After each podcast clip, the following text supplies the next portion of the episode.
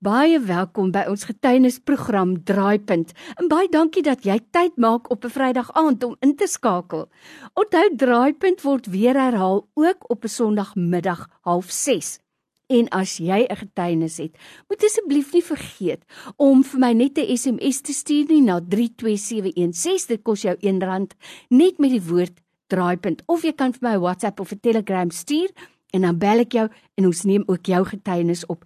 En ek weet daar's iemand wat nodig het om ook jou getuienis te hoor. So moenie vergeet om dit te doen nie.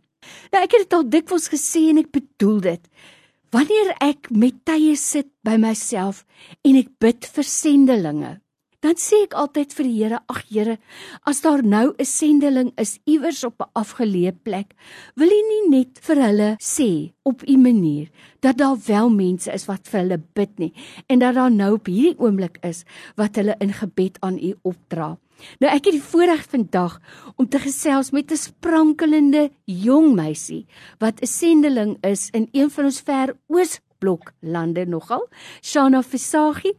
So baie welkom en dankie vir jou tyd. Baie dankie, dis so eer om by julle te wees vandag. Shana, jy weet as ek na jou kyk, dan dink ek amper uh toe ek nou jonk was, sou ek nie eers alleen met 'n vliegtyg na familie toe gegaan het. Sê nou maar in Engeland toe waar ook al nie. Hier is jy 'n jong meisie alleen in die verte en jy is 'n sendeling om die evangelie uit te dra nie net deur woord nie, maar ook deur lied.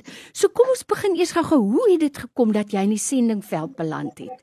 Ehm um, dit is 'n 'n proses ek dink wat mens deurmaak met die Here om by daai punt uit te kom. Dis nooit eintlik 'n vaste plek wat jy bereik nie, want ek dink mense as sendeling, alle alle mense wat wat die Here ken is eintlik maar half sendelinge en mm. kan mens sê tipe van 'n uh nomadies as jy dit so wil stel in hulle lewens want jy weet jy behoort nie aan hierdie aarde nie. Ons behoort aan 'n ewige koninkryk en waar ook al ons osself bevind, is ons eintlik sendelinge of kom ons sê getuienis mm. van wat die Here in ons lewens doen en wat ook al die Here vir ons gee om te doen. Dit dit behoort ons te doen as as getuies wetende dat wat ons doen dit getuig van wie ons is en en wat die Here vir ons kom doen dit in ons harte.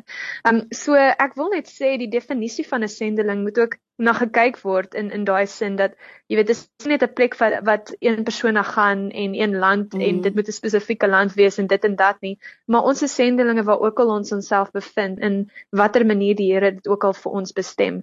Maar ja, ek uh, het in die veld begin werk meer permanent nou hierdie jaar, maar 3 jaar terug het ek my BA taal en kultuur graad klaar gemaak op Stellenbosch en, uit dit uit het ek geweet die Here het my geroep tot voltydse bedieningswerk en en ek dink dit is 'n tipe roeping wat die Here vir jou ook in jou hart kom mm. kom wys en vir jou kom gee en ek dink nie almal is geroep tot voltydse bedieningswerk nie want elke jy weet bedieningswerk lyk anders vir vir elke persoon. Mm. So ja, die Here het dit vir my toe so kom uitwys deur iemand wat ek mee te doen gehad het wat 'n uh, bediening het daar in Durban wil eintlik in Suid-Afrika en ek het toe by hulle aangesluit as 'n uh, intern en toe verder die volgende jaar begin werk by hulle en deur hulle het ek toe uh, 'n deur gekry uh, om um, voltyds in in die veld te begin werk. So dit het dit het 2 jaar gevat vir my ook om om eers regtig te verstaan hoe die bedieningsveld, wel hoe die sendingsveld lyk en om self nog te leer wat dit beteken om in daai manier uh, bediening te doen. So Ja, dit dis 'n proses. Dis altyd 'n proses wat mens wat mens aanpak met die Here. Nou jy weet Shana, dis waar wat jy sê Jesus se laaste opdrag was immers gaan heen en maak disippels. So ons is almal of ons behoort almal disipelmakers te wees. Maar ek dink soos jy mm. dit nou tereg gesê, dan hier en daar word mense spesifiek geroep as 'n gestuurde, 'n sendeling. Mm. En jy weet dit kan dikwels hier in ons eie land wees of soos jy nou mm. self in 'n ver land. So vir ons luisteraars wat nou 'n bietjie meer agtergrond wil hê. Wat is van die uitdagings wat jy beleef? Want jou opdrag is bloot om lig te wees en om die evangelie uit te dra. Maar wat is van jou mm. struikelblokke?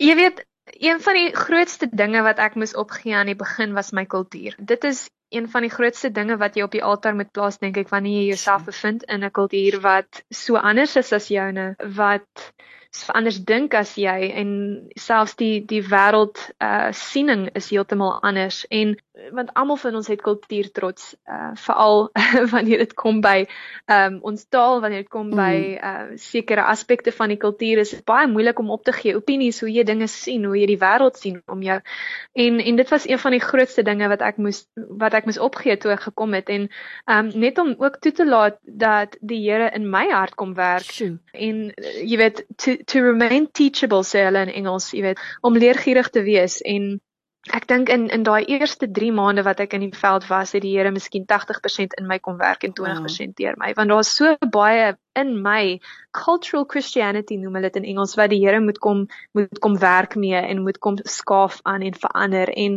mens skrik soms as jy besef hoe baie van jou Christendom regtig beïnvloed word deur jou gemeenskap. En mens moet ook besef dat nie alle Christene in die wêreld se gemeenskappe is dieselfde nie. So dis lyk like Christendom soms bietjie anders. Dit beteken nie dit is verkeerd nie. Dit beteken net dat hulle dalk die Here op 'n ander manier lofprysing aan hom bied. En mens wil nou nie sê, jy weet, want daar is natuurlik uh, grense, maar byvoorbeeld uh, in die koptiese kerk in Egipte uh, het hulle 'n sekere manier wat hulle die, die Here dien waar mense in Kaapstad dalk nie daai mm. ervarings het nie. Mm. Ek gesels met Shana Visagie en sy is geroep om 'n sendeling te wees baie ver van die huis af in 'n Oosblok land. En terwyl ek nou jou luister Shana, dink ek aan iets. Moes die Here vir jou baie van jou oordeel en veroordeling, jou judgmental spirit afsny en wat kan ons hier in Kaapstad leer wanneer ons met mense hier om ons daagliks te doen kry want ons kom na hulle toe met 'n sekere bril op Hoe leer jy om van jou mm. vooroordeele af te sny? Ja. Ehm um, jy weet ek ek werk met ek het die eer om met uh, die Roma volk te werk hier in Suidwes Oekraïne. Ehm um, hulle is anders uh, bekend as Sigeners. En uh dis 'n volk wat regtig nie 'n suksesstorie het in die wêreldse siening van hoe dit moet lyk nie. Um hulle is baie nomadies, hulle is absoluut verworpe, hulle is 'n minderheidsgroep in hierdie gedeelte van die wêreld en eintlik maar reg oor Europa, uh maar veral ook in Oos-Europa. En jy weet, deur na hulle te kyk en met hulle te werk, mens besef baie van wat jou as Christen anders in jou moet wees as die res hmm. van die van die gemeenskap waarna jy werk want ehm um, jy weet jy werk met 'n spul Oekraïners wat baie onemosioneel na die wêreld kyk wat baie anders lewe as hierdie klomp Romas en hulle is weer baie emosionele mense. Hmm. Ehm um, so om as buitestander in te kom en eintlik met hierdie twee volke groepe baie noulik saam te werk, besef jy dat daai veroordeling wat daar is teenoor mekaar en die Oekraïners dalk mag hê teenoor Romas, dit gee vir jou ook 'n speelbeeld van Here, hoe moet ek voorkom? Hoe moet ek lyk? Like? Moet ek, jy weet, dadelik daai aanvaarde gee waar die Oekraïners dit dalk nie het nie. Ek het wow. terloops nou die dag met iemand saam teruggery uh, van 'n plek af. Sy's 'n uh, ortodokse Oekraïense Christen en ons het die, van die Sigeners se kampe gery. Hulle hulle woon in kampe buite die dorp. En uh, een van die Sigeners, ons het 'n kerk hierso wat wat ons begin het wat omtrent so 80% Sigeners bevat. En toe ons deur hierdie kamp ry, toe sien ek een van hulle wat in ons kerk is en ek groet toe vir die persoon, maar sy kyk my so terwyl ons ry sy sê, "Het jy vriende van hier af?" Wow. Ek sê vir hom, "Ja, sy sê hulle saam in my kerk." Maar mens moet besef die die die setup wat hier is mm. want die ortodokse gemeentes het nie jy weet se geners in hulle gemeenskappe nie hulle hulle sien hulle nie as uh hoe sê mens regtig waardig half mm. selfs om in sekere restaurante in te kom hier en so en so dit dit leer jou baie oor oor hoe jy as Christen moet optree om anders voor te kom want hierdie is almal ortodokse Christene die Oekraïners wow. hulle is ortodokse Christene maar ons ons noem onsself net volgers van die Jesus volgers van Jesus want um as jy jouself begin bestempel as 'n sekere denominasie, jy weet jy, jy kan nie so praat met hierdie gemeenskap nie want uh, denominasies is vir hulle alles en ehm um, dis makliker om eerder te sê jy's 'n volger van Jesus as wat jy wow. jouself onder dit bestempel. Jy weet en daar leer ek vandag ja. nou weer by jou iets en dit is dat ons moet ons kristendom so uitlewe en Paulus sê dit so duidelik dat ons vir niemand 'n aanstoot is nie. Dit beteken nie dat ons mm, mm. konformeer met die wêreld nie, maar ons moenie 'n aanstoot wees nie. Dit is so so baie waar. Nou Shana, ek weet jy het ook bemoedigings vir mense en die pragtigste oordeenkingetjies en jou baie mooi musiek. As mense nou meer wil weet of hulle wil bietjie inskakel mm. daarop, hoe kan ons dit doen? Meeste van my musiek is uh eintlik op YouTube. Hulle kan verder ook op my YouTube channel gaan. Jy kan letterlik net intik Shanna Visagi en dan die woordjie relevance. Shanna Visagi relevance en dan behoort hulle my wow. YouTube kanaal te vind op die internet en daarso is al my musiek op ehm um, al die oordeenkings soos Tannie van gepraat ja. het wat ek daar opgelaai het en dat jy dit daar kan vind en hopelik daardeur ook bemoedig word in in julle wandel met God. Verseker sal ons bemoedig word. Ten slotte net Shanna, Ons het wonderlike gebedsstryders, prayer warriors by ons luisteraars. Ons het ook gebedsgroepe hier.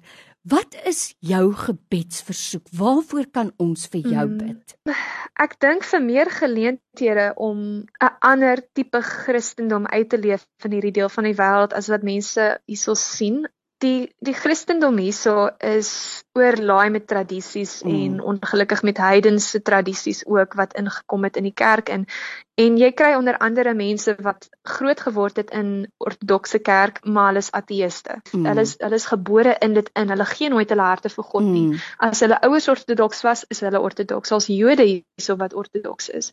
So dis dis iets wat jy ingebore word in en om regtig 'n uh, 'n geleentheid te hê om anders uit te leef wat Jesus vir my gegee het en en die liefde en die vryheid wat hy my gegee het, ek my hart vir hom gegee het toe ek 9 jaar oud was om daai te kan uitleef mm. op 'n tasbare manier, meer geleenthede om dit uit te kan leef onder die jong mense hierso wat ek bedien met Engelse klasse en wanneer ek kans kry met ouer garde ook. Regtig vir meer geleenthede om dit te kan uitleef dink ek is altyd vir my 'n gebedsversoek.